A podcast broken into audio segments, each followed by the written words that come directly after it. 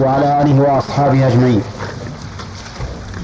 ذكرنا فيما سبق أن السنة لها مع القرآن أربع حالات. الأولى تعبر عنه طيب إيش معنى تعبر عنه؟ ما تدل عليه لا. خليل شيخ لها مراتب أربعة. لا تعبر عنه. ما دام جاب الأخطلال لازم نعم. ها. تعبر عنه تصدق. لا. نعم يا شيخ. لحظة لحظة يا شيخ. تعبر عنه قد تكون آه، آه، يعني تنسخ. نعم. تأتي بأحكام جديدة. نعم. تأتي بأحكام جديدة ما هي في القرآن. طيب. مثال عبد الرحمن بن داود. نزول الله سبحانه وتعالى. مثل نزول الله تعالى إلى السماء الدنيا هذا مو موجود في القرآن. لكن جاءت به السنة. طيب. وأحكام كثيرة. قال المؤلف تفسر القرآن. تفسر القرآن. وش معنى تفسره؟ تبينه إيه. توضح معناه. مثل؟ الصلوات لا. محمد؟ وقوله تعالى في والدينا والدينا مزيد. قال فسر الرسول صلى الله عليه وسلم أي برؤية للذين أحسنوا الحسنى. آه، فسر الرسول صلى الله عليه وسلم بال بأنها النظر إلى وجه الله إلى وجه الله الكريم. طيب. وتبينه حيث يأتي القرآن مجملا فتفسره السنة. مثاله؟ مثال آه، وآتوا الزكاة. فسر صلى الله عليه وسلم على الأنصبة وأقيموا الصلاة أيضا. بينها الرسول كيف تقام؟ طيب. كيف ينزل؟ هل تكون السماوات فوقه؟ أو يخلو العرش منه بينوا لنا. ماذا نقول؟ ها؟ نعم يا طلال. يقول طلب مثل هذا الاستفسار ليس في موضعه. نعم. ليس منه كبير فائدة. نعم. بل فيه استنقاص من الله سبحانه وتعالى وسؤال عما لا ينفع صح. ولما ول- ورد على السلف علماء السلف أنهم كانوا إذا سئلوا مثل هذه الأسئلة استنكروها من فاعلها نعم. وقالوا هذه بدعة. بدعة. نعم نقول هذا السؤال إيراده غير وارد وغير صحيح. نحن موقفنا من هذا أن نقول ها سمعنا وآمنا.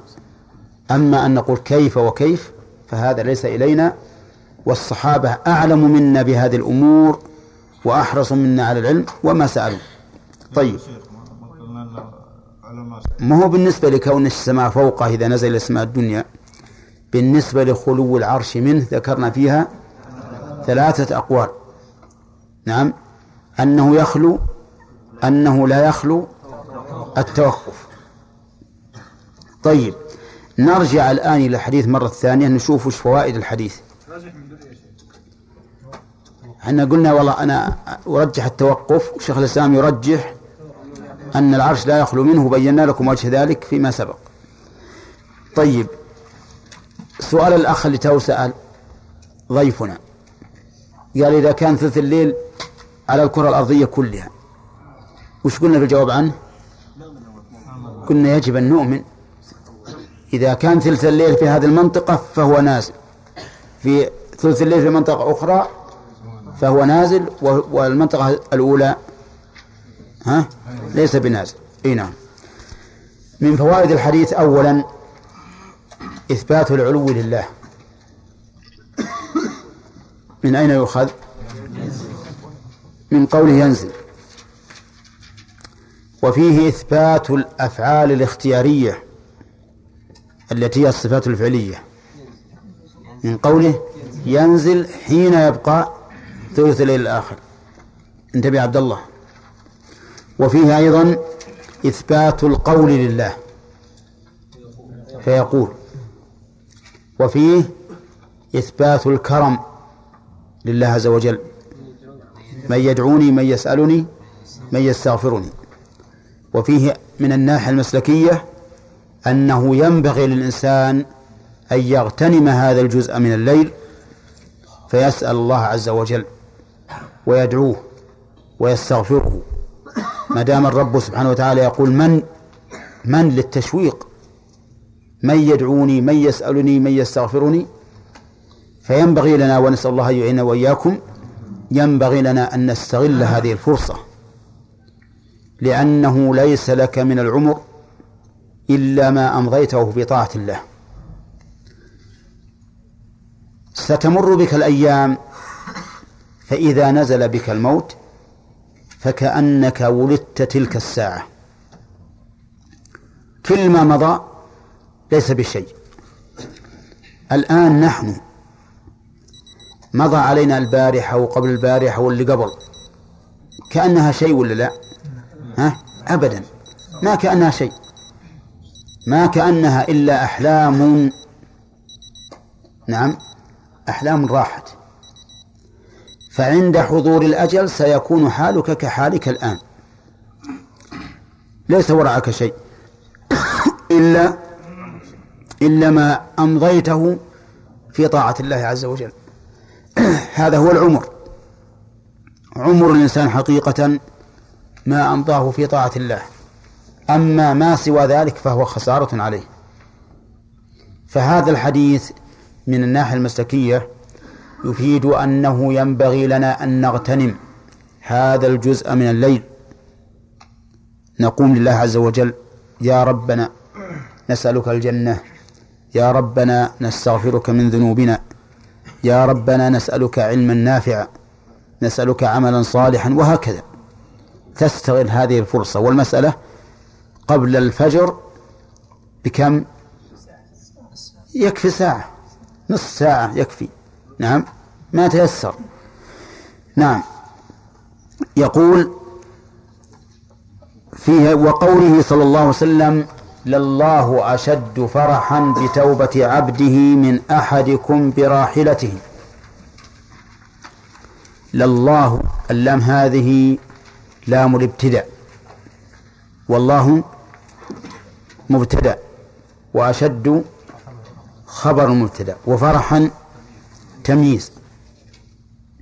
لله أشد فرحا بتوبة عبده إذا تاب إليه من أحدكم براحلته. قال المؤلف الحديث يعني أكمل الحديث. الحديث أن هذا الرجل كان معه راحلته عليها طعامه وشرابه. فضلت عنه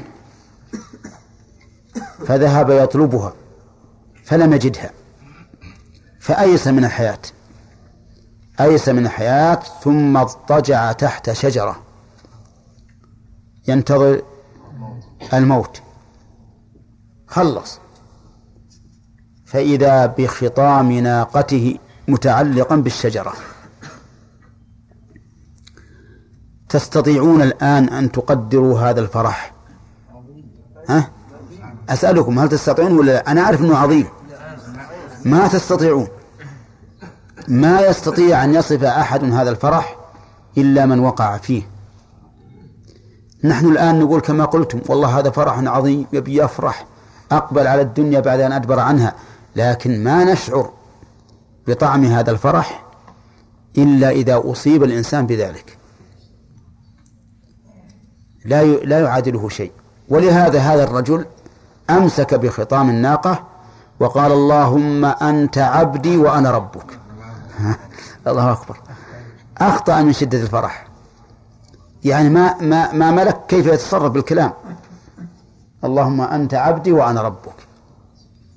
الله عز وجل أفرح بتوبة عبده إذا تاب إليه من هذا الرجل براحلته. وهل الله عز وجل محتاج إلى توبتنا؟ لا والله.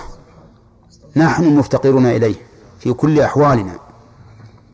لكن لكرمه جل وعلا ومحبته للإحسان والفضل والجود. اللهم إنك عفو تحب العفو. يفرح سبحانه وتعالى هذا الفرح الذي لا نظير له بتوبة الإنسان إذا تاب إليه. في هذا الحديث إثبات الفرح لله عز وجل. فماذا نقول في هذا الفرح؟ هل هو فرح حقيقي؟ إن الله يفرح. ها؟ اتقوا الله. اتقوا الله. اتقوا الله هل هو فرح حقيقي؟ ها؟ نعم. نقول هو فرح حقيقي وأشد فرح. نعم. فنثبت الفرح لله عز وجل. حقيقة. ولكن هل هو كفرح المخلوقين؟ لا. ليس كفرح المخلوقين. الفرح بالنسبة للإنسان هو نشوة. يجدها الإنسان من نفسه عند حصول ما يسره. وخفة ولذلك تشعر بأنك إذا فرحت بالشيء كأنك تمشي على الهواء مو على الأرض. نعم. لكن بالنسبة لله عز وجل لا نفسر الفرح بمثل ما نعرفه من أنفسنا. نقول هو فرح يليق به عز وجل مثل بقية الصفات. كما أننا نقول لله ذات ولكن لا تشبه ذواتنا لا تماثل ذواتنا فله صفات لا تماثل صفاتنا. لأن الكلام يا سلمان على الصفات فرع عن الكلام في الذات هما سواء. فنثبت أن نؤمن بأن الله تعالى له فرح. كما أثبت ذلك أعلم الخلق به محمد صلى الله عليه وسلم. وأنصح الخلق للخلق وأفصح الخلق فيما ينطق به. لله أشد فرحا. وش يضرنا؟ نحن على خطر إذا قلنا أن المراد بالفرح الثواب. لأن أهل التحريف يقولون الله ما يفرح. والمراد بفرحه إثابته التائب. هذا المراد به. أو إرادة الثواب. لأنهم هم يثبتون الخلق. يعني أن أن لله تعالى مخلوقا بائنا منه. ويثبتون الإرادة ولا لا؟ يثبتون الإرادة. فيقولون في الفرح إنه الثواب المخلوق أو إرادة الثواب. أو إرادة الثواب. ونحن نقول المراد بالفرح الفرح حقيقة. مثل ما أن المراد بالله عز وجل نفسه حقيقة. ولا فرق. ولكننا لا نمثل صفات الله بصفاتنا أبدا. يستفاد من هذا الحديث آه، مع إثبات الفرح لله عز وجل كمال رحمته جل وعلا ورأفته بعباده حيث يحب رجوع العاصي إليه هذه المحبة العظيمة. هارب من الله ثم وقف ورجع إلى الله يفرح الله به. هذا الفرح العظيم مع كمال غناه عنا وشدة حاجتنا إليه. من الناحية المسلكية يفيدنا أن نحرص وشو عليه؟ على التوبة. أن نحرص على التوبة غاية الحرص. كلما فعلنا ذنبا تبنا إلى الله. قال الله تعالى في وصف المتقين والذين إذا فعلوا فاحشة فعلوا فاحشة. نعم. مثل أي فاحشة؟ في القرآن ثلاث فواحش الزنا واللواط. ونكاح ذوات المحارم. كذا؟ نكاح ذوات المحارم. قال الله تعالى ولا تنكحوا ما نكح آباؤكم من النساء إنه كان فاحشة ومقتا وساء سبيلا. إلا ما قد سلف. نعم. إنه كان فاحشة ومقتا وساء سبيلا.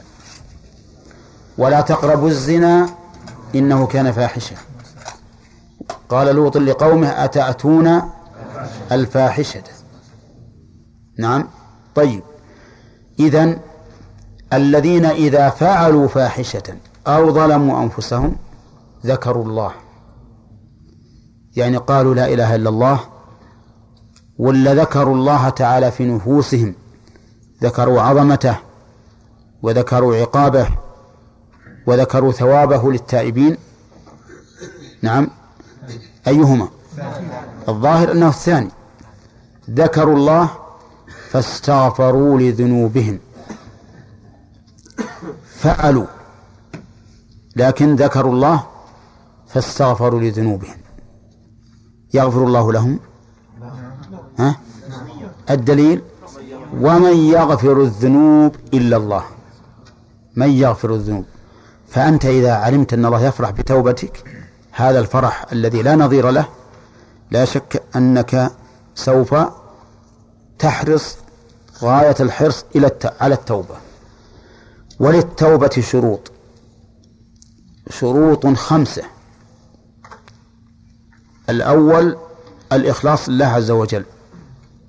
بأن لا يحملك على التوبة مراءاة الناس أو نيل الجاه عندهم أو ما أشبه ذلك من مقاصد الدنيا. الثاني الندم على المعصية. الثالث الإقلاع عنها. ومن الإقلاع إذا كانت التوبة في حق من حقوق الآدميين أن ترد الحق إلى صاحبه. والرابع إن قلت خطأ فقوموني الرابع أن لا يعود إليها. أو العزم أن لا يعود. آه العزم أن لا يعود. ما الفرق بينهما؟ الفرق بينهما أنه إذا عاد بعد صحة التوبة ما تنتقض التوبة الأولى. ولهذا نقول العزم أن لا يعود. مو الشرط أن لا يعود. طيب العزم على أن لا يعود في المستقبل. الخامس أن تكون التوبة في وقت القبول. وينقطع قبول التوبة بالنسبة لعموم الناس بطلوع الشمس من مغربها وبالنسبة لكل واحد بحضور أجله. قال الله تعالى وليست التوبة للذين يعملون السيئات حتى إذا حضر أحدهم الموت قال إني تبت الآن. وصح عن النبي صلى الله عليه وسلم أن التوبة تنقطع إذا طلعت الشمس من مغربها. فإن الناس يؤمنون ولكن لا ينفع نفسا إيمانها لم تكن آمنت من قبل أو كسبت في إيمانها خيرا. هذه خمسة شروط. إذا تمت صحت التوبة. ولكن هل يشترط أن لصحة التوبة أن يتوب من جميع الذنوب؟ ها؟ في خلاف. لكن الصحيح أنه ليس بشرط. وأنها تصح التوبة من ذنب مع الإصرار على غيره لكن هذا التائب لا يصدق عليه وصف التائبين. يعني ما يقال إنه تاب توبة مطلقة. يقال تاب توبة مقيدة.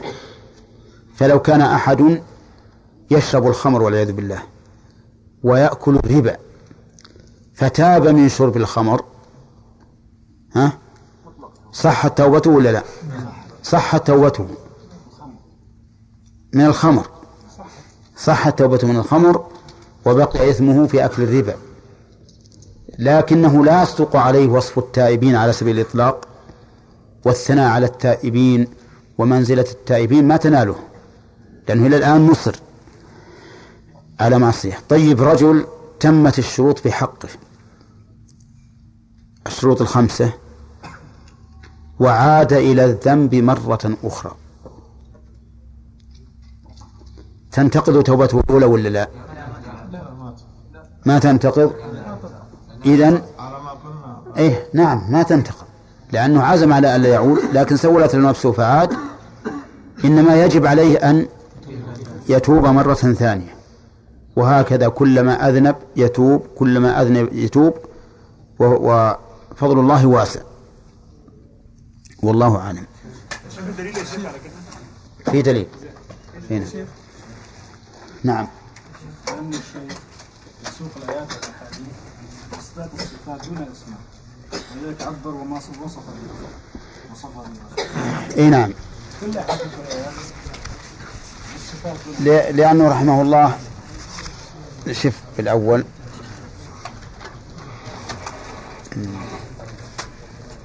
قال ولا يلحدون في أسماء الله وآياته. في الأول. هو العقيدة. نعم اصبر. ثم قال وهو جمع فيما وصف وسمى به نفسه. بين في وإثبات لكن يركز على الصفات لأن الأسماء لا ينكرها إلا إلا طائفة من المعتزلة من غلاة المعتزلة. وصف به نفسه إيه. أيضا إيه قلنا لكم أمس. ما حضرت البارحة لا قلنا هذه است- استدركنا على المؤلف شيخ شيخ إذا- إذا نقض التايم توبته مثلا نقض عندكم يدخل. والصلاة والسلام على نبينا محمد وعلى آله وأصحابه أجمعين. سبق لنا أن من الصفات التي يؤمن بها أهل السنة والجماعة الفرح فما هو الدليل على ذلك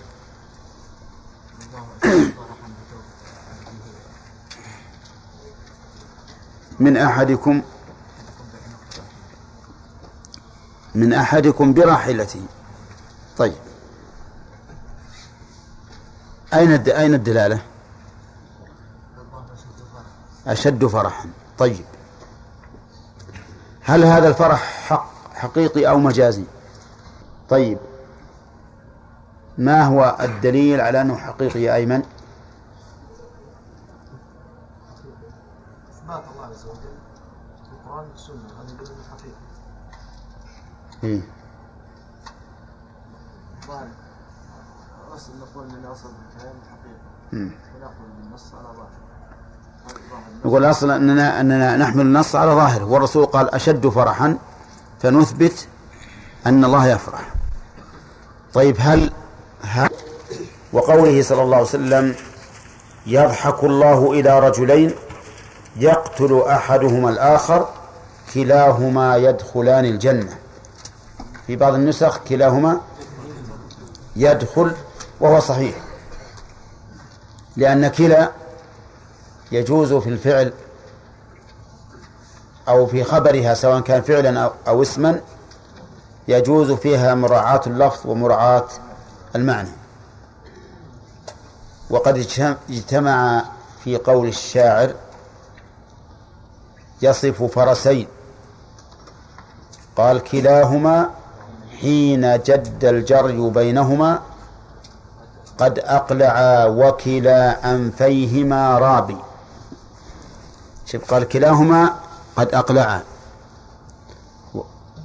ثم قال وكلا أنفيهما رابي ولم يقل رابيان طيب الحديث هنا يخبر النبي عليه الصلاة والسلام أن الله يضحك إلى رجلين يضحك إليهما عند ملاقاتهما. يقتل أحدهما الآخر كلاهما يدخلان الجنة. وأحدهما لم يقتل الآخر إلا لشدة العداوة بينهما. ثم يدخلان الجنة بعد ذلك فتزول تلك العداوة. لأن أحدهما قتل الآخر أحدهما كان مسلما والآخر كان كافرا فقتله الكافر. قتل هذا المسلم إيش؟ شهيدا يدخل الجنة. ثم من الله على هذا الكافر فأسلم ثم قتل شهيدا. أو مات بدون قتل.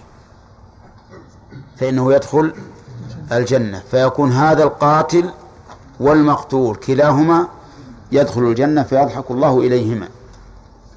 ففي هذا إثبات الضحك لله عز وجل. وهو ضحك حقيقي لكنه لا يماثل ضحك المخلوق. ضحك يليق بجلاله وعظمته. ولا يمكن أن نمثله. لأننا لا نستطيع أن نقول إن لله تعالى فمن أو أسنانا أو ما أشبه ذلك. ولا يجوز لنا أن نقول ذلك. لكن نثبت الضحك لله. ولكنه ضحك يليق به سبحانه وتعالى. فإذا قال قائل يلزم من إثبات الضحك أن يكون الله مماثلا للمخلوق. فالجواب لا يلزم. لا يلزم أن يكون مماثلا للمخلوق. لأن الذي قال يضحك هو الذي أنزل عليه قوله تعالى ليس كمثله شيء. هذا من جهة. من جهة أخرى النبي عليه الصلاة والسلام لا يتكلم في مثل هذا إلا عن عن وحي لأنه من أمور الغيب. ليس من الأمور الاجتهادية التي قد يجتهد فيها الرسول عليه الصلاة والسلام ثم يقره الله على ذلك أو لا يقره ولكنها من الأمور الغيبية التي يتلقاها الرسول عليه الصلاة والسلام عن طريق الوحي. واضح؟ طيب. لو قال قائل المراد بالضحك الرضا لأن الإنسان إذا رضي عن الشيء سر به وضحك. فالمراد الرضا والمراد بالرضا أيضا الثواب أو إرادة الثواب كما قال ذلك الأشاعرة. فما الجواب؟ نقول هذا تحريف للكلم عن مواضعه. فما الذي أدراكم أن الرسول صلى الله عليه وسلم أراد به الرضا؟ ثم ما الذي أدراكم أن المراد بالرضا؟ الثواب. فأنتم الآن قلتم على الله ما لا تعلمون من وجهين. الوجه الأول صرفتم النص عن ظاهره ها؟ بلا علم. الثاني أثبتتم له معنى معنى الخلاف الظاهر بلا بلا علم. بلا علم. الثالث أن نقول لهم الإرادة إذا قلتم إنه إنها ثابتة لله عز وجل فإنه ينتقض عليكم تنتقض قاعدتكم. لأن للإنسان إرادة. منكم من يريد الدنيا ومنكم من يريد الآخرة للإنسان إرادة. بل للجدار إرادة. فوجد فيها جدارا يريد أن ينقض. فأنتم إما أن تنفوا الإرادة عن الله عز وجل كما نفيتم بقية الصفات وإما أن تثبت لله عز وجل ما أثبته لنفسه وإن كان للمخلوق نظيره في الاسم لا في الحقيقة. عرفتم الآن؟ طيب. فنقول هذا الضحك حقيقة لكنه لا يماثل ضحك المخلوقين. طيب. قال وقوله عجب ربنا من قنوط عباده وقرب غيره وقرب غيره. خير خطأ. ها؟ طيب. آه الأثر الم... يعني الأثر المسلكي من هذا الحديث أو الفائدة المسلكية هو أننا إذا علمنا بأن الله عز وجل يضحك فإننا نرجو منه كل خير. ولهذا قال رجل للنبي صلى الله عليه وسلم يا رسول الله أو يضحك ربنا؟ قال نعم. قال لن نعدم من رب يضحك خيرا. الله أكبر. شوف فهم الأعرابي فإذا علمنا ذلك علمنا أملنا به عز وجل كل خير. لأن هناك فرقا بين إنسان عبوس لا يكاد يرى ضاحكا وبين إنسان يضحك. وقد كان النبي صلى الله عليه وسلم كان دائم البشر كثير التبسم عليه الصلاة والسلام. نعم. قال وعجب ربنا من قنوط عباده وقرب غيره عجب. العجب هو استغراب الشيء. واستغراب الشيء يكون لسببين. السبب الأول خفاء الإنس... خ... الخفاء. يعني خفاء الأسباب على هذا المستغرب للشيء. والمتعجب منه بحيث يأتيه بغتة بدون توقع. والثاني العجب الثاني من أسباب العجب أن يكون السبب فيه خروج هذا الشيء عن نظائره وعما ينبغي أن يكون عليه بدون قصور من المتعجب. انتبه. قلنا في العجب له سببان.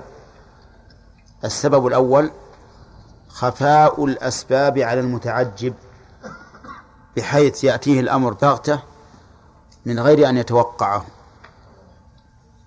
وهذا يقع كثيرا. يجي إنسان مثل قادم من سفر بعيد بدون أن يخبرك وهو من أعز الناس عليك تتعجب. وش اللي جابك فلان؟ ولا لا؟ تجد إنسان مثلا زمن زمن وش معنى زمن يا بخاري؟ وش معنى الزمن؟ ما يستطيع المشي. تجده مثلا في أقصى بلاد الله. عجيب. وش اللي جابك هنا؟ نعم. لأنك ما تعرف الأسباب التي أوصلت. والسبب الثاني للعجب خروج هذا الشيء عن نظائره أو عما ينبغي أن يكون عليه بحيث يفعل فعلا مستغربا. ما لا ينبغي أن يقع من مثله. أيهما العجب الثابت لله؟ الأول أو الثاني؟ ها؟ الأول ممتنع يا جماعة على الله. الأول ممتنع أن يكون سبب العجب خفاء الشيء خفاء الشيء على الإنسان على المتعجب. والثاني يمكن ولا ما يمكن؟ يمكن لأن هذا العجب ليس عن قصور من المتعجب ولكن بالنظر إلى حال المتعجب منه. فلنطبق الحديث هذا. قال عجب من قنوط عباده القنوط أشد اليأس. يعجب الرب عز وجل من دخول اليأس الشديد على قلوبنا قال وقرب غيره الواو بمعنى مع يعني مع قرب غيره والغير اسم جمع اسم جمع للغيرة الغير اسم جمع غيرة. كالطير اسم جمع طيرة. وهي اسم بمعنى التغيير. اسم بمعنى التغيير. وعلى هذا فيكون المعنى وقرب ها تغييره. وقرب تغييره. فيعجب الرب عز وجل كيف نقنط؟ وهو سبحانه وتعالى قريب التغيير. يغير الحال إلى حال أخرى بكلمة واحدة وهي كن فيكون. يقول ينظر إليكم أزلين قنطين. ينظر إليكم الله عز وجل ينظر إلينا بعينه. أزلين قنطين. الأزل هو الواقع في الشدة. قنطين هو اليائس القنطين جمع قانط وهو اليائس من الفرج وزوال الشدة فذكر. فذكر النبي عليه الصلاة والسلام حال الإنسان وحال قلبه حاله إيش؟ أنه واقع في شدة قلبه قانط يائس مستبعد للفرج. فيظل يضحك عز وجل يعلم أن فرجكم قريب. الله أكبر.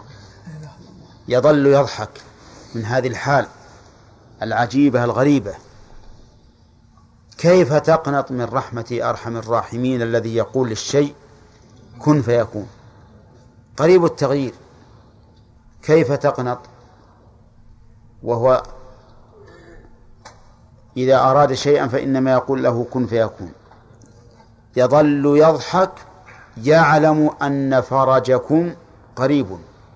فرجكم منين؟ إيه من الأزل. من الأزل. يعلم أن الفرج قريب. في هذا الحديث عدة صفات. أولا العجب.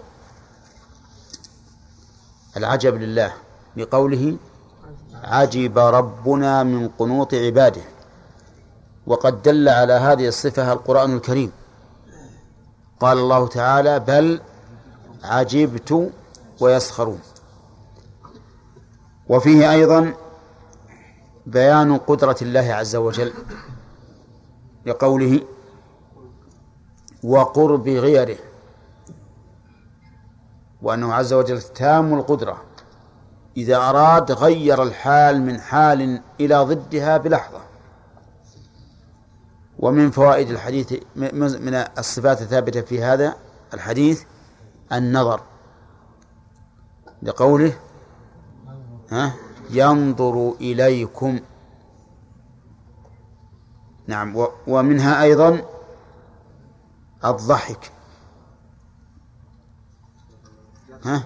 فيظل يضحك والعلم يعلم أن فرجكم قريب والرحمة أن فرجكم لأن الفرج من الله دليل على رحمته عز وجل بعباده كل هذه الصفات التي دل عليها الحديث والتي لم نتكلم عنها يجب علينا أن نثبتها لله عز وجل حقا على حقيقتها ولا نتأول فيها. طيب ثم قال وقوله قال حديث حسن وقوله صلى الله عليه وسلم؟ إيه، طيب. الآثار المسكية في هذا أن الإنسان إذا علم ذلك من الله سبحانه وتعالى حذر من هذا من هذا الأمر. والأمر هو القنوط من رحمة الله. ولهذا كان القنوط من رحمة الله من من الكبائر. قال ومن يقنط من رحمة ربه إلا الضالون. فالقنوط من رحمة الله واستبعاد الرحمة هذا من كبائر الذنوب. والواجب على الإنسان أن يحسن الظن بربه. إن دعاه أحسن الظن به بأنه سيجيبه. إن تعبد له بمقتضى شرعه فليحسن الظن بأن الله سوف يقبل منه. إن وقعت به شدة فليحسن الظن بأن الله سوف يزيلها. لقول النبي صلى الله عليه وسلم واعلم أن النصر مع الصبر وأن الفرج مع الكرب وأن مع العسر يسرا. بل قد قال الله تعالى إن مع العسر يسرا فإن مع العسر. الأولى فإن مع العسر يسرا. إن مع العسر يسرا. لن يغلب عسر يسرين كما يروى عن ابن عباس رضي الله عنهما. ثم قال المؤلف رحمه الله وقوله صلى الله عليه وسلم لا تزال جهنم يلقى فيها وهي تقول هل من مزيد. هذا متى؟ هذا يوم القيامة. لا تزال يلقى فيها يعني يلقى فيها الناس والحجارة لأن الله تعالى يقول وقودها الناس والحجارة. وهي تقول وقد يقال يلقى فيها الناس فقط وأن الحجارة لم تزل موجودة فيها. والعلم عند الله. يلقى فيها وفي قوله يلقى فيها دليل على أن أهلها والعياذ بالله يلقون فيها إلقاء.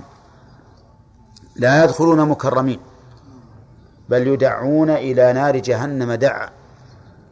كلما ألقي فيها فوج سألهم خزنتها ألم يأتكم نذير؟ أعاذني الله وإياكم منها بمنه وكرمه. لا تزال يلقى فيها وهي تقول هل من مزيد؟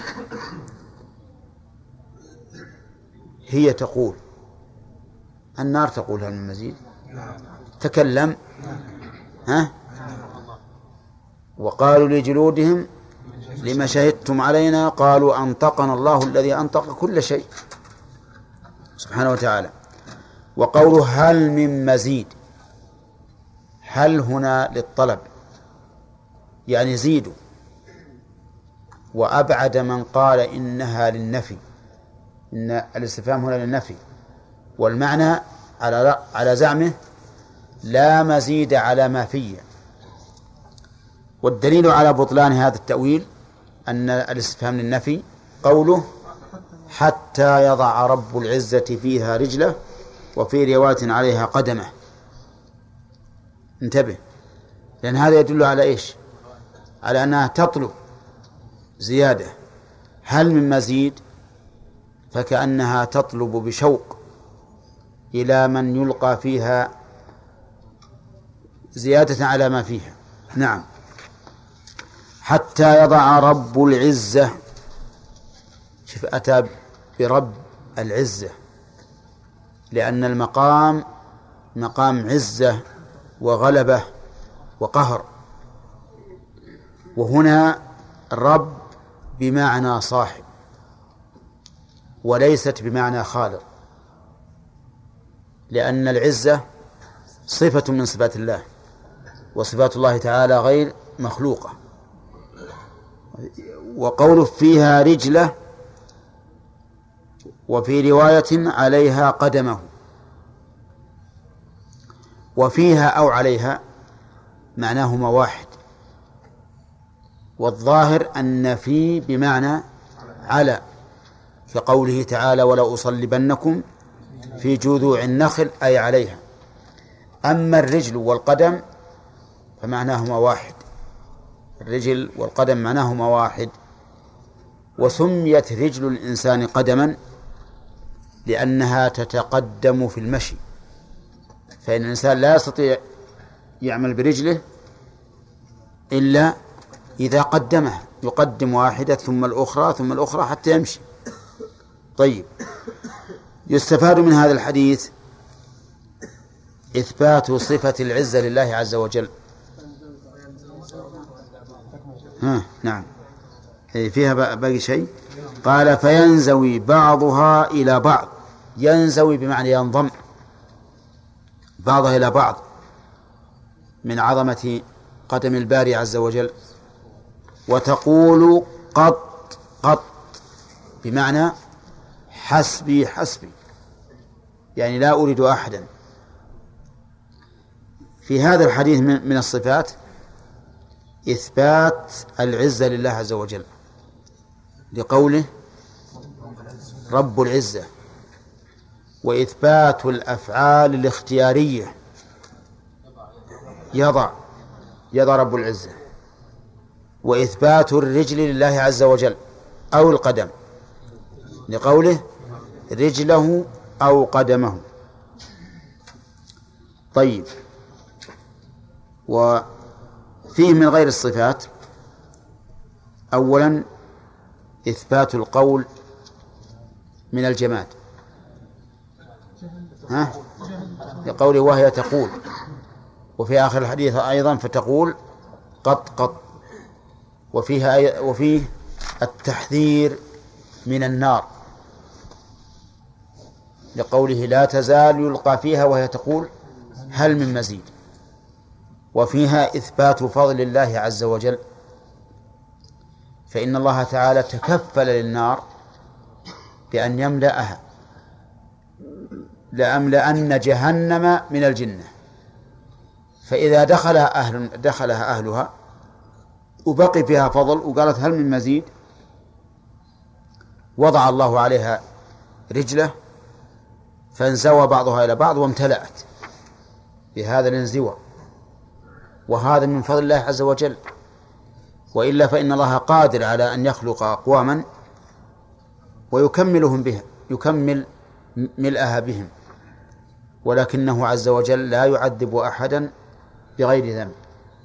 ولهذا في الجنة يبقى فضل عمن دخلها من أهل الدنيا فينشئ الله يخلق الله أقواما يوم القيامة ويدخلهم الجنة بفضله ورحمته. أما في النار ما يخلق أقواما يعذبهم أبدا. طيب إذا نحن نؤمن بأن لله تعالى رجلا وقدما. حقيقة ولا ولا غير حقيقة؟ حقيقة تشبه تماثل الرجال المخلوقين؟ لا طيب ماذا يسمي أهل السنة مثل هذه الصفة؟ يسمونها الصفات الذاتية الخبرية ذات الخ... الصفات الذاتية الخبرية يقول لأنها لا... لم تعلم إلا بالخبر ولأن نظير مسماها ها أبعاض لنا وأجزاء. لكن ما نقول بالنسبة لله أنها أبعاض وأجزاء لأن هذا ممتنع على الله عز وجل. طيب هل وافقنا الأشاعرة وأهل التحريف؟ لا. أهل التحريف يقولون يضع عليها رجلة يعني طائفة من عباده مستحقين للدخول. الرجل تأتي بمعنى الطائفة قالوا نعم.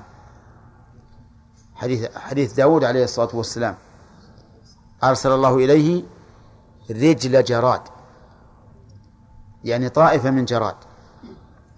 في لغتنا العامية نسميها الطائفة القليلة من الجراد نسميها إيش؟ ما عندي أحد من من يسمونها قصمول. قصمول يعني ها؟ قليل منها. طيب. المهم أنهم يقولون هذه إن شاء الله تمسحونها أحسن. لأن يمكن تكون فيها شيء. أقول آه، الرجل من الجراد الطائفة من الجراد يقولون يضع رجله أي الطائفة الذين يدخلهم النار. الذين يدخلهم النار. طيب هل هذا صحيح؟ ها؟ أبدا. لأن اللفظ عليها عليها رجله. وأيضا هل يمكن أن يضيف الله عز وجل إلى نفسه أهل النار؟ لأن إضافة الشيء إلى الله إيش؟ تكريم وتشريف. كيف يضيف الله عز وجل أهل النار إلى إلى نفسه؟ هذا لا يمكن. طيب. قالوا في القدم قدم بمعنى مقدم. أي يضع الله تعالى عليها مقدمه أي من يقدمهم من من من الناس.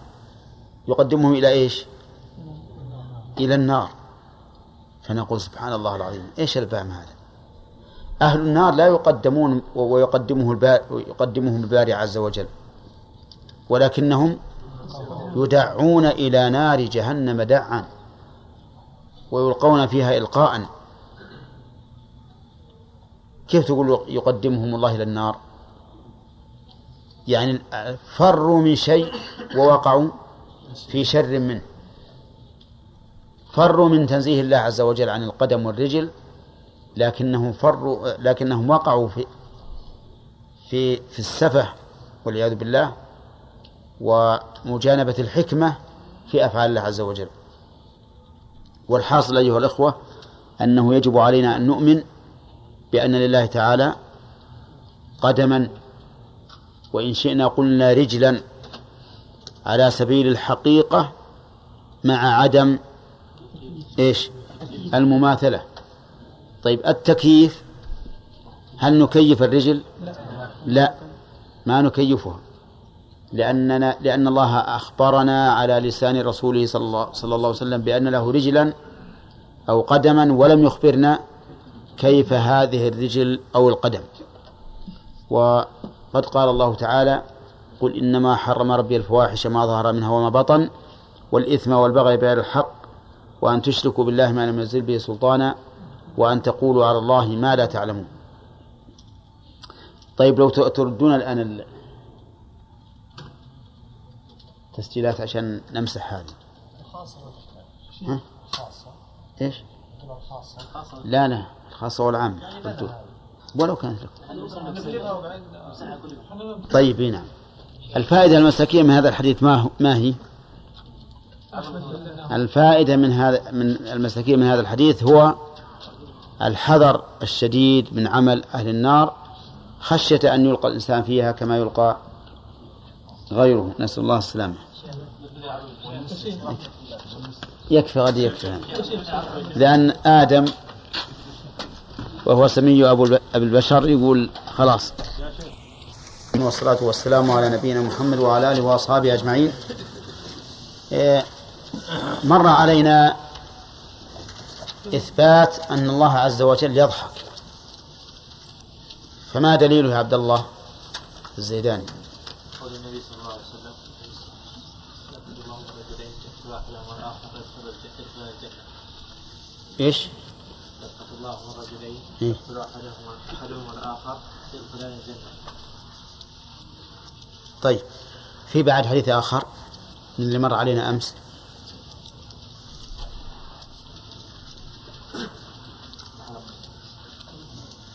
قال صلى الله عليه وسلم عجل رجلا من قلوب عباده إلى قوله؟ صحيح؟ نعم طيب. آه، ما المراد بالضحك عند أهل السنة والجماعة يا محمد؟ الضحك نعم. الله سبحانه وتعالى ولا يماثل ضحك أحسنت. طيب. وعند أهل التحريف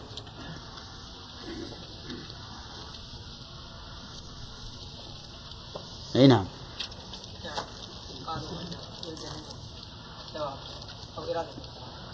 يضحك يعني يرضى والمراد بالرضا أيضا الثواب أو إرادة الثواب. فتكون نتيجة أن الضحك عندهم يعني الثواب أو إرادته لكنه بو- بو- بوسائط. يضحك أي يرضى. يرضى أي ها؟ يثيب. أي نعم. طيب خلاف ظاهر اللفظ وإجماع السلف. صح؟ لأن السلف مجمعون على أنه ضحك حقيقي. الدليل أنهم لم يرد عنهم خلافه تحريف إلى من آخر. ثالثا ها؟ ثانيا أنه نعم صرف لللفظ إلى معنى لا يدل عليه اللفظ. فيكون هذا قول على الله بلا علم من وجهين. هذا الثالث. طيب الثالث. ذكرناه.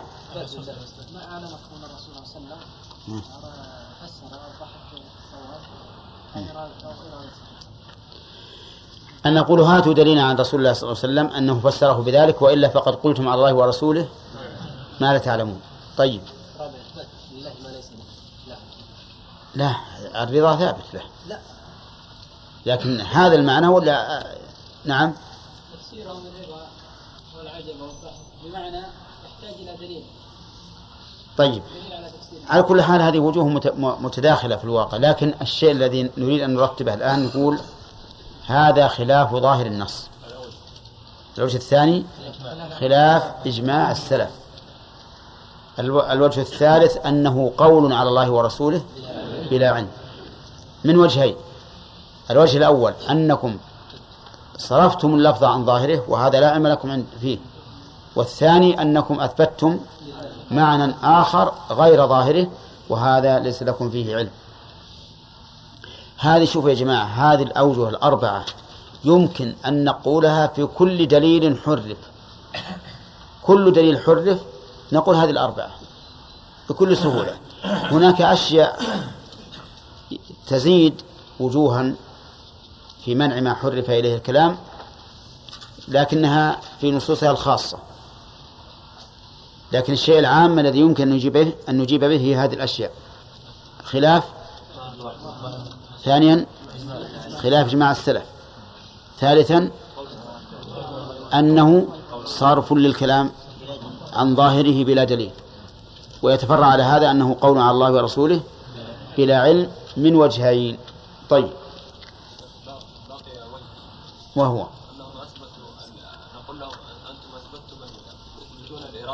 نعم.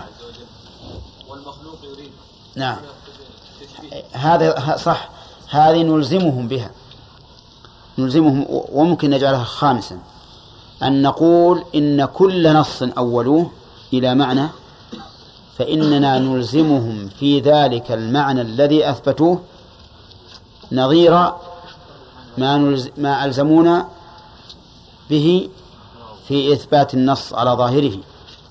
لأنهم يقولون أنتم إذا- أثبتوا على ظاهره فقد شبهتم. لأن هذا للمخلوق. نقول أنتم أيضا إذا إذا أثبتتم الإرادة فقد شبهتم. ونقول بل زدتم علينا. وش اللي زادوا؟ ها؟ لا لا زدتم علينا إيه؟ التحريف. تحريف النصوص عن ظاهرها. نحن ما أبقينا نحن أبقينا على ظاهرها ولم نتعرض له وأنتم زدتم التحريف. فتكون هذه الخمسة في كل نص حرفه أهل التعطيل. ممكن تجيب تجيب بها في كل نص حرفه أهل التعطيل. ما يحرف اصبر يا أخي يكفي يكفي الخمسة. بعضهم ما يحرفون يا شيخ؟ كيف؟ أقول بعض المحرفين ما يحرفون إلى الإرادة.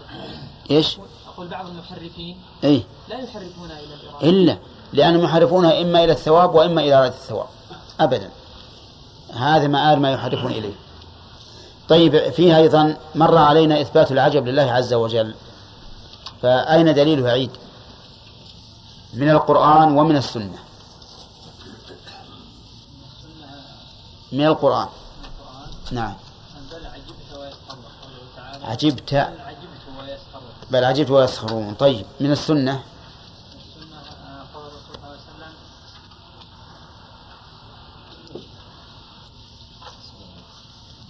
السلام. نعم يا فوزي. قوله قوله صلى الله عليه وسلم قوله في قوله صلى الله عليه وسلم عجب ربنا من قنوط من قنوط عباده الحديث أحسنت. صح. طيب. إيه، ما معنى قوله أزلين بندر؟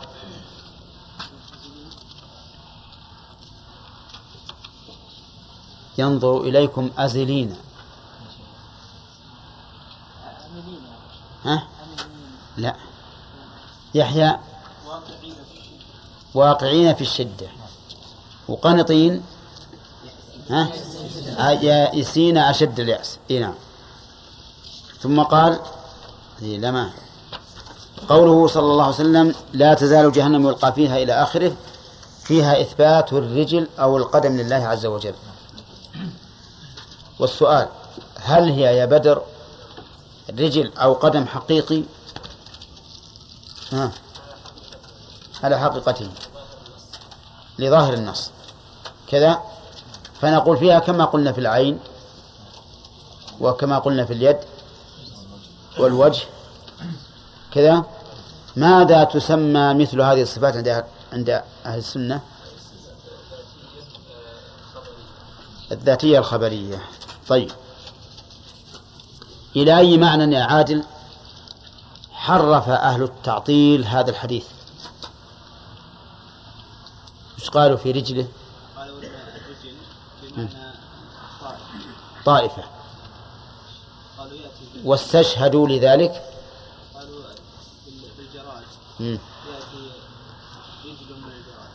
أن داود عليه الصلاة والسلام ها سأل الله تعالى ها أيوب سأل الله لا لا لا, لا. أنا قلت داود إيه. أظنها أظنها أيوب إيه.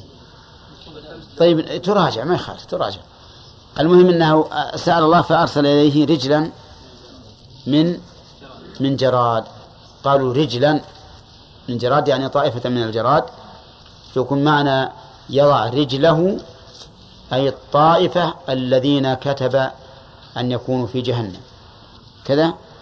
طيب. وقد آه، في الحديث في البخاري الحديث. طيب يا أيمن قدم جل وقوله أو وقوله. على اختلاف النسختين. قوله يا آدم يقول الله تعالى يا آدم فيقول لبيك وسعديك فينادي بصوت إن الله يأمرك أن تخرج من ذريتك بعثا إلى النار.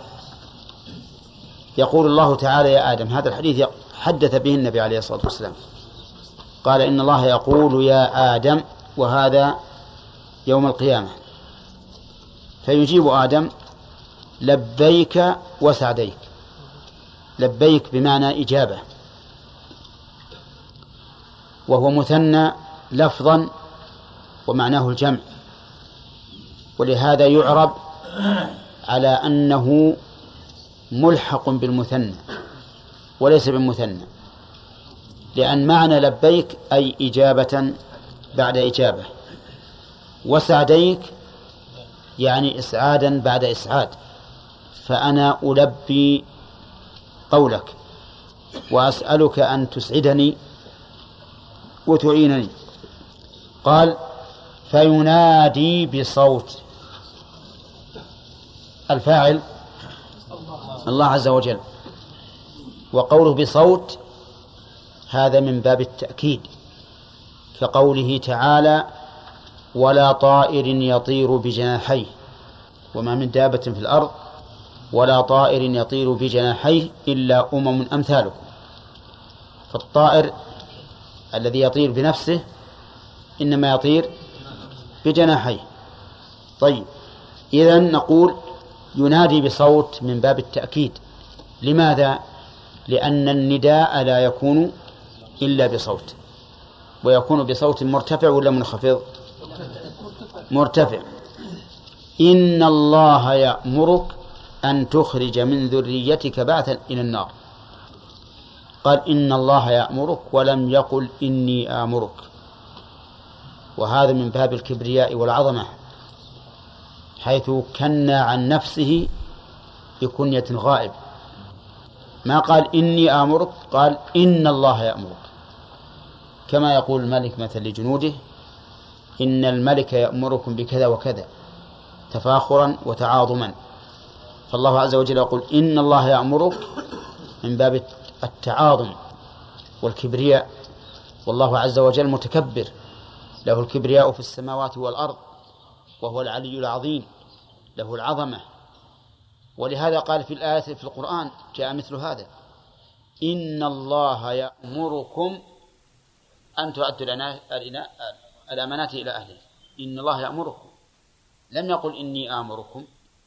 طيب. إن الله يأمرك أن تخرج من ذريتك ذرية بنو آدم بعثا إلى النار.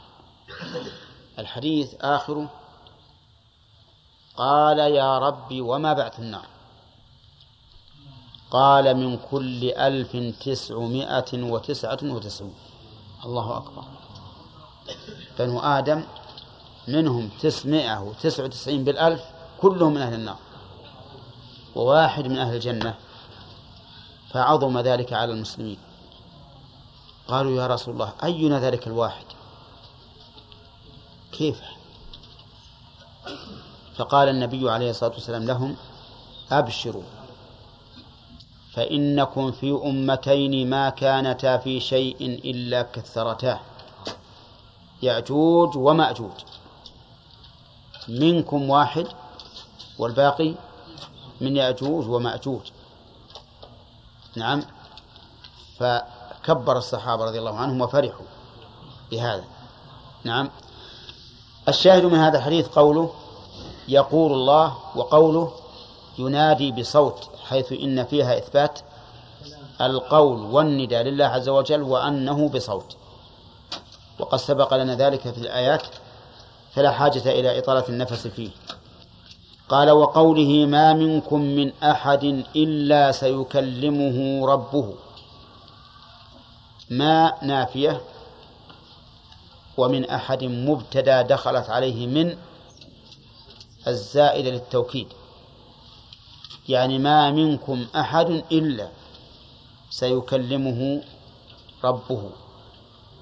يعني إلا حاله هذه سيكلمه الله ليس بينه وبينه ترجمان. يوم القيامة يكلم الله الخلائق كلها ليس بينه وبينهم ترجمان ويحاسبهم في آن واحد في وقت واحد وهو على كل شيء قدير. والترجمان من؟ الذي يكون واسطة بين متكلمين مختلفين في اللغة. ينقل إلى أحدهما كلام الآخر باللغة التي يفهمها. ويشترط في المترجم أربعة شروط. ها؟ يشترط الأمانة. وأن يكون عالما باللغة التي يترجم منها وباللغة التي يترجم إليها وأن يكون عالما بالموضوع ذا خبرة. فلو جاء واحد يريد نريد منه أن يترجم مسائل نحوية وهو ما يعرف النحو.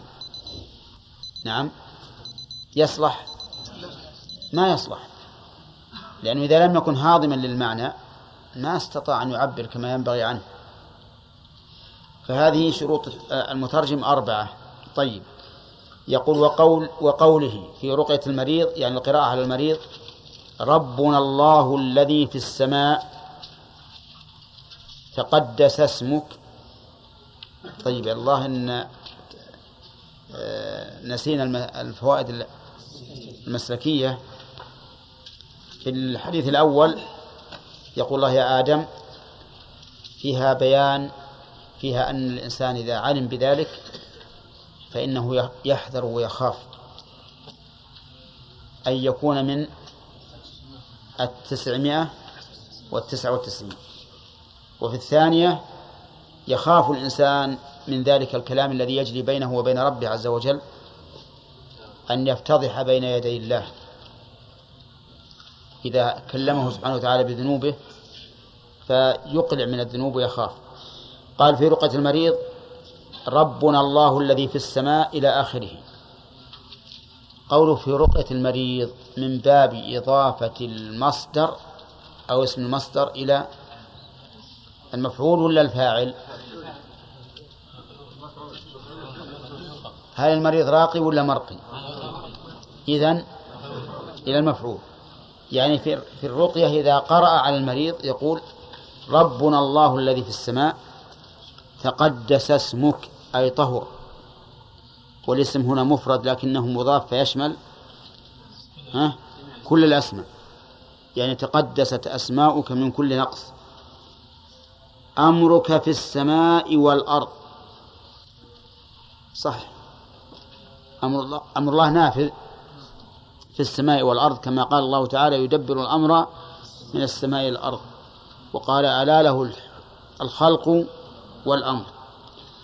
كما رحمتك في السماء اجعل رحمتك في الأرض. الكاف هنا للتعليل والمراد بها التوسل. توسل إلى الله تعالى بجعل رحمته في السماء أن يجعل منها في الأرض. فإن قلت أليس رحمة الله في الأرض أيضا؟ قلنا هو يقرأ على المريض والمريض يحتاج إلى رحمة خاصة يزول بها إيش؟ مرضه. ثم قال أنت رب الطيبين. نعم. آه آه اغفر لنا حوبنا وخطايانا. الغفر سبق لنا أنه معناه أن معناه ستر الذنب والتجاوز عنه. والحوب كبائر الإثم والخطايا صغائره. فهذا إذا جمع بينهما أما إذا افترقا فهما بمعنى واحد. يعني اغفر لنا كبائر الإثم وصغائره لأن في المغفرة زوال زوال المكروه وحصول المطلوب. ولأن الذنوب قد تحول بين الإنسان وبين توفيقه فلا يوفق ولا يجاب دعاؤه. قال أنت رب الطيبين. أنت رب الطيبين. فقط هذه الربوبية الخاصة. وأما ال- بالربوبية العامة فهو رب كل شيء. نعم. والربوبية قد تكون خاصة وعامة.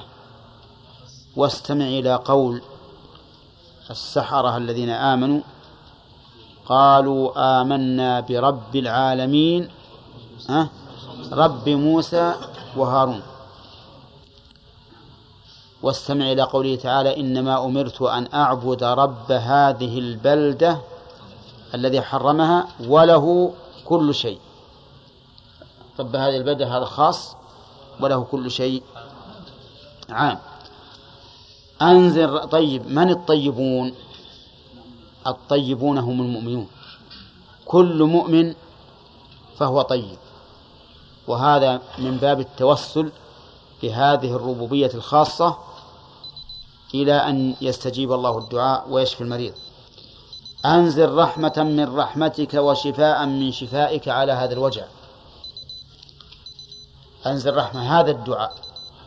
كل ما سبق من باب التوسل.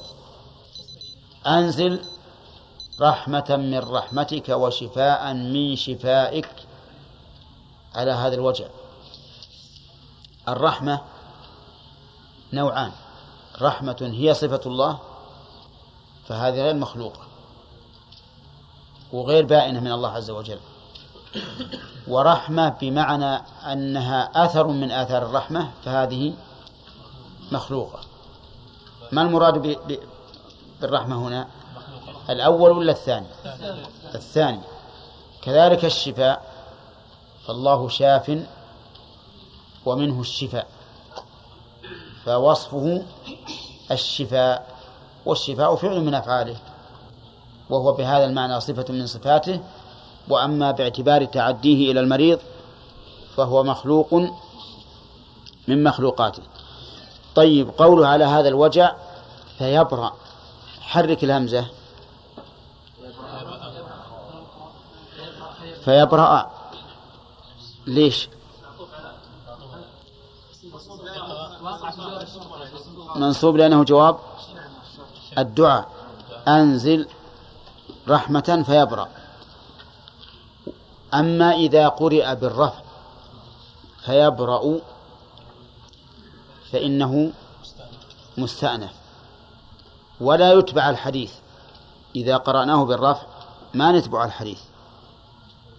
وإن قرأناه بالنصب أتبعناه. يعني معنى إذا قلنا أنزل رحمة من رحمتك على هذا وشفاء من شفائك على هذا الوجع فيبرأ. صح.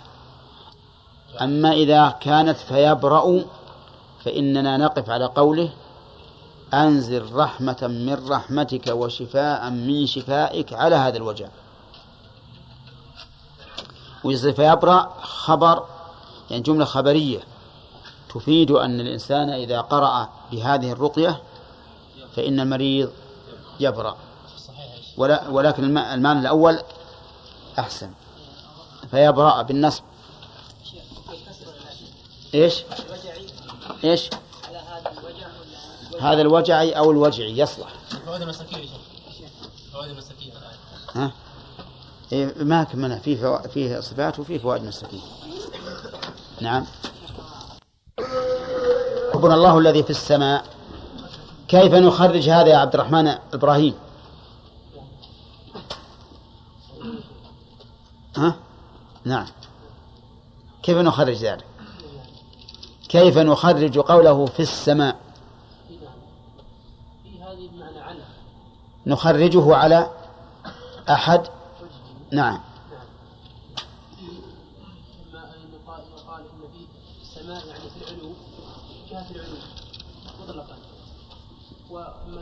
اصبر. وعلى هذا التقدير تكون في لا أحد يتكلم. إما أن نخرجه على أن السماء بمعنى العلو. وعلى هذا التقدير تكون في يلا عبد الرحمن.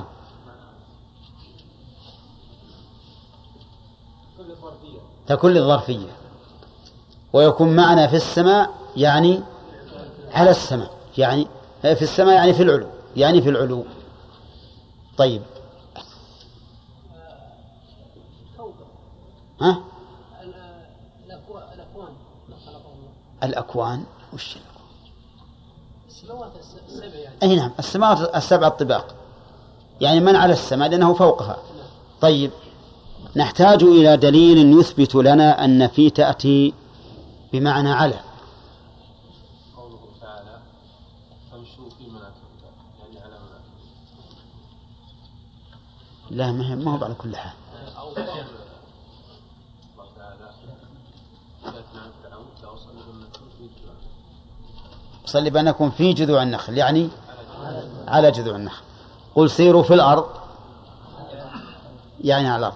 مع أن قوله فامشوا في مناكبها في احتمال أن تكون على على مناكبها. طيب جديد.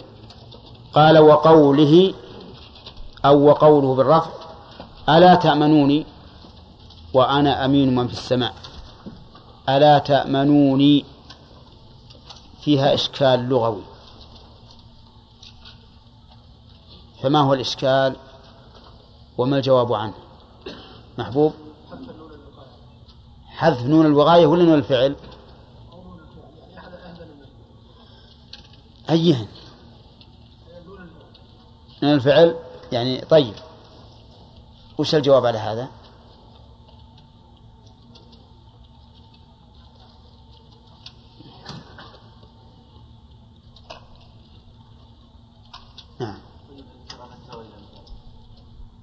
يعني إنه يجوز. إذا اتصل إذا اتصلت نون الوقاية بالفعل جاز حذف نون الرفع. طيب. ويجوز هذا بكثرة. قوله ألا تأمنوني وأنا يعني ألا تعتبروني أمينا وأنا أمين من في السماء. والذي في السماء هو الله عز وجل. وهو أمينه عليه الصلاة والسلام على وحيه مأمون. وسيد الأمم عليه الصلاة والسلام. والرسول الذي ينزل به بالوحي عليه هو أيضا أمين. إنه لقول رسول أمين آه، كريم ذي قوة عند العرش مكين مطاع ثم أمين. ثم أمين. طيب. وهذا له سبب أن النبي صلى الله عليه وسلم قسم غنائم فقال له رجل اعدل. فقال ألا تأمنوني؟ وأنا أمين من في السماء. وال- والعرض هنا ألا للعرض. كأنه يقول ائمنوني فإني أمين من في السماء. فنقول بلى نأمن رسول الله صلى الله عليه وسلم ونؤمن بأنه سيد الأمناء عليه الصلاة والسلام. الشاهد قوله من في السماء ونقول فيها ما قلناه فيما سبق. طيب.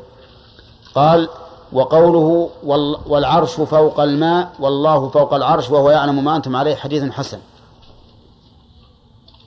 لما ذكر النبي عليه الصلاة والسلام المسافات التي بين السماوات قال عليه الصلاة والسلام والعرش فوق الماء. فإن بين السماء السابعة والعرش بحر. بحرا بين أسفله وأعلاه كما بين السماء والأرض. والعرش فوق الماء. ويشهد لهذا قوله تعالى وكان عرشه على الماء. قال والله فوق العرش وهو يعلم ما أنتم عليه سبحانه وتعالى. هو فوق العرش ومع ذلك لا يخفى عليه شيء من أحوالنا. بل قد قال الله تعالى ولقد خلقنا الإنسان ونعلم ما توسوس به نفسه. يعني الشيء اللي في ضميرك يعلمه الله مع أنه ما بال لأحد. حتى أنت ما نطقت به والله عز وجل يعلمه. قال وقول وقوله للجارية أين الله؟ قالت في السماء. قال من أنا؟ قالت أنت رسول الله. قال أعتقها فإنها مؤمنة. قال لها عليه الصلاة والسلام أين الله؟ وأين يستفهم بها؟ عن المكان. قالت في السماء يعني على السماء أو في العلو على حسب الاحتمالين السابقين. قال من أنا؟ قالت أنت رسول الله. قال أعتقها فإنها مؤمنة.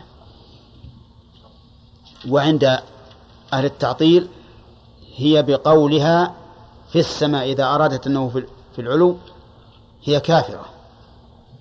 هي كافرة. لأنهم يرون أن من أثبت أن الله في جهة فهو كافر. إذ يقولون إن الجهات لا تحويه أبدا. إن إنها خالية منه. ليتهم يقول لا تحويه لكن يقول خالية منه. نعم. طيب استفهام النبي صلى الله عليه وسلم بأين يدل على أن لله مكانا؟ ولكن يجب أن نعلم أن الله تعالى لا تحيط به الأمكنة. لأنه أكبر من كل شيء. وأن ما فوق الكون عدم. ما هناك جدران ولا جبال ولا أشجار عدم. ما ثم إلا إلا من؟ إلا الله عز وجل. فهو فوق كل شيء. فوق كل شيء. طيب وقوله وهو يعلم ما أنتم عليه يفيد إحاطة يفيد إحاطة علم الله. بكل ما نحن عليه. وإذا آمنا بهذا الحديث فإننا نستفيد منهم فائدة مسلكية وهي تعظيم الله عز وجل وأنه في العلو فنخافه. وأنه يعلم ما نحن عليه فنقوم بطاعته بحيث لا يفقدنا حيث أمرنا ولا يرانا ولا يجدنا حيث نهانا.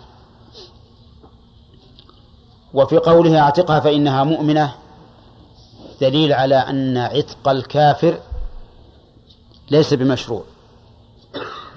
عتق العبد الكافر ليس بمشروع ولهذا لا يجزئ في الكفارة.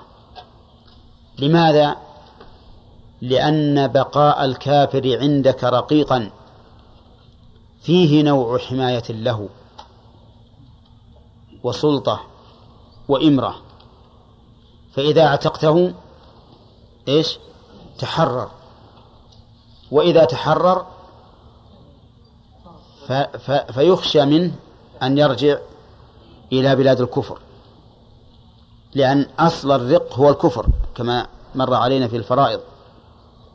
فإذا حررناه وعتقناه ربما الآن يقول ما, ما لا عليه كلام ثم يرجع إلى الكفر ويبقى معينا للكافرين على المؤمنين. ثم قال وقوله أفضل الإيمان أن تعلم أن الله معك حيثما كنت حديث حسن. فهذا الحديث بمعية الله عز وجل. وقد سبق أن معية الله لا تستلزم أن يكون في الأرض. بل يمتنع غاية الامتناع أن يكون في الأرض. لأن العلو من إيش؟ من صفاته الذاتية التي لا ينفك عنها أبدا. بل هي لازمة له سبحانه وتعالى. وقول الرسول أفضل الإيمان أن تعلم يدل على أن الإيمان يتفاضل. لأنك إذا علمت أن الله معك حيثما كنت خفت منه عز وجل وعظمته. لو كنت في حجرة مظلمة ما فيها أحد فاعلم أن الله معك لا في الحجرة لكنه سبحانه وتعالى لإحاطته يكون معك. وليس وليس في الحجرة. طيب. كذلك يقول وقوله إذا قام أحدكم إلى الصلاة فلا يبصقن قبل وجهه ولا عن يمينه فإن الله قبل وجهه ولكن عن يساره أو تحت قدمه متفق عليه. إذا قام أحدكم إلى الصلاة فلا يبصقن قبل وجهه. البصاق معروف أظن. ها؟ قبل وجهه يعني أمامه ولا عن يمينه. أما أما لا يبصق أما كونه لا يبصقن قبل وجهه فإنه علل قال فإن الله قبل وجهه. قال الله تعالى ولله المشرق والمغرب فأينما تولوا فتم وجه الله. طيب وعن يمينه؟ قال العلماء بل أظنه ورد في حديث فإن عن يمينه ملكا. ثم على فرض أنه ليس الأمر كذلك ويحت فإن اليمين أفضل من الشمال فيكون على اليسار ولهذا قال ولكن عن يساره أو تحت قدمه. طيب فإن كان في المسجد قال العلماء في خرقة من ديل أو في ثوبه ويحك بعضه ببعض حتى تزول صورة البصاق كذا أو عن يساره. طيب ما خالف إذا قدرنا إن إنسان عند الجدار ووراء ووراء الجدار شارع والجدار قصير. ها؟ يمكن هذا ولا لا؟ يمكن. كان في الأول كان الناس في الأول يصلون في السطوح سطوح المساجد. ما أدركتموها ولا لا؟ ها؟ السطح يكون له جدار جدار قصير على على على الشارع. نعم؟ فيمكن بكل سهولة. ها؟ على كل حال هو إذا كان لا يمكن أن يبصق عن يساره إلا في المسجد فلا يبصقن في المسجد. لقول النبي صلى الله عليه وسلم البصاق في المسجد خطيئة. يستفاد من هذا الحديث أن الله تعالى قبل وجه المصلي أمامه. ولكن يجب أن نعلم أن أن الذي قال إنه أمام وجه المصلي هو الذي قال إنه في السماء. ولا لا؟ نعم هو الذي قال ذلك. ولا تناقض بين كلامه هذا وهذا. إذ يمكن الجمع من ثلاثة أوجه. الوجه الأول أن الشرع جمع بينهما ولا يجمع بين محال أبدا. لا يجمع بين بين متناقضين الشيء الوجه الثاني أنه يمكن أن يكون الشيء عاليا وهو قبل وجهك. صح؟ الآن مثلا هذه النجفة أمامي. وهي فوق ولا تحت؟ فوقي. الرجل يستقبل الشمس في في أول النهار فتكون أمامه وهي وهي فوق في السماء. يستقبلها في آخر النهار تكون أمامه وهي وهي فوق في السماء. فإذا كان هذا ممكنا في المخلوق ها ففي الخالق من باب أولى بلا شك. الوجه الثالث أن نقول هب أن هذا ممتنع في المخلوق. فإنه لا يمتنع في الخالق لأن الله تعالى ليس كمثله شيء في جميع صفاته. ويعدها لنا الآن عبد المنان. عد لو جاء ثلاثة.